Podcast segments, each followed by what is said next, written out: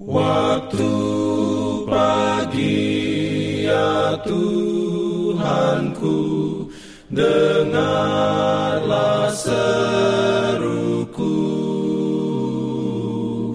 Melayang doa yang sungguh Memandang padamu. Selamat pagi pendengar Radio Advent Suara Pengharapan Mari mendengarkan suara Tuhan melalui tulisan pena inspirasi bersama Allah di waktu fajar.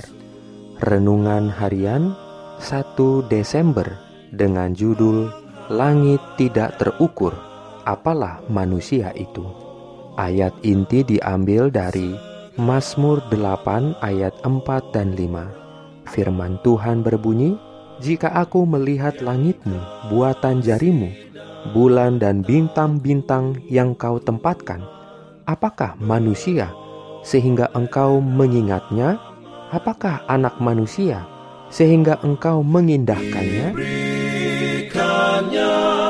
perlindungan dalam pimpinannya. Urayanya sebagai berikut. Manusia telah menjadi begitu rusak oleh dosa sehingga mustahillah baginya dalam dirinya sendiri untuk menjadi selaras dengan Dia yang keadaannya suci serta penuh kebajikan. Tetapi Kristus setelah menebus manusia dari hukuman dapat memberikan kuasa ilahi untuk dipersatukan dengan usaha manusia. Dengan demikian, anak-anak Adam yang berdosa itu sekali lagi bisa menjadi anak-anak Allah alam memberi kesaksian tentang Allah, pikiran yang suka menerima, yang dibawa ke dalam hubungan dengan mujizat dan rahasia alam semesta, tidak bisa lain kecuali mengakui pekerjaan kuasa ilahi. Bukan oleh tenaganya yang ada pada bumi ini, bumi menghasilkan kekayaannya, dan tahun demi tahun terus-menerus bergerak di seputar matahari tangan yang tidak kelihatan menuntun planet dalam perjalanannya di angkasa raya. Suatu kehidupan yang bersifat rahasia mengisi segenap alam. Suatu kehidupan yang menunjang dunia yang tidak terhitung banyaknya di angkasa yang tak terukur, yang hidup dalam serangga kecil yang terapung dalam angin, sepoi, kemarau, yang mengayun sayap burung layang-layang, dan memberi makan kepada anak burung gagak yang berteriak, yang menjadikan kuncup mekar serta bunga berubah menjadi buah.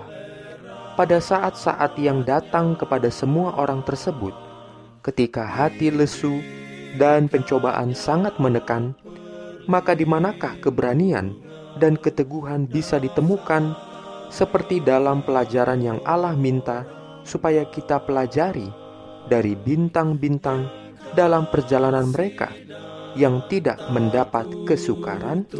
Amin. Beroleh rahmatnya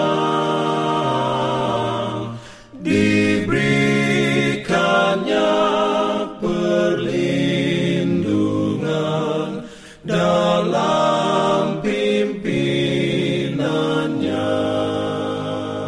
Jangan lupa untuk melanjutkan bacaan Alkitab sedunia.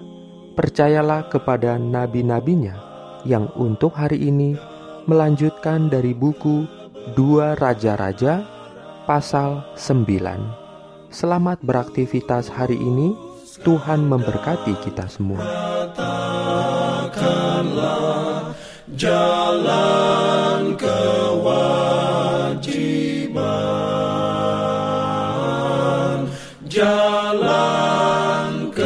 Slav.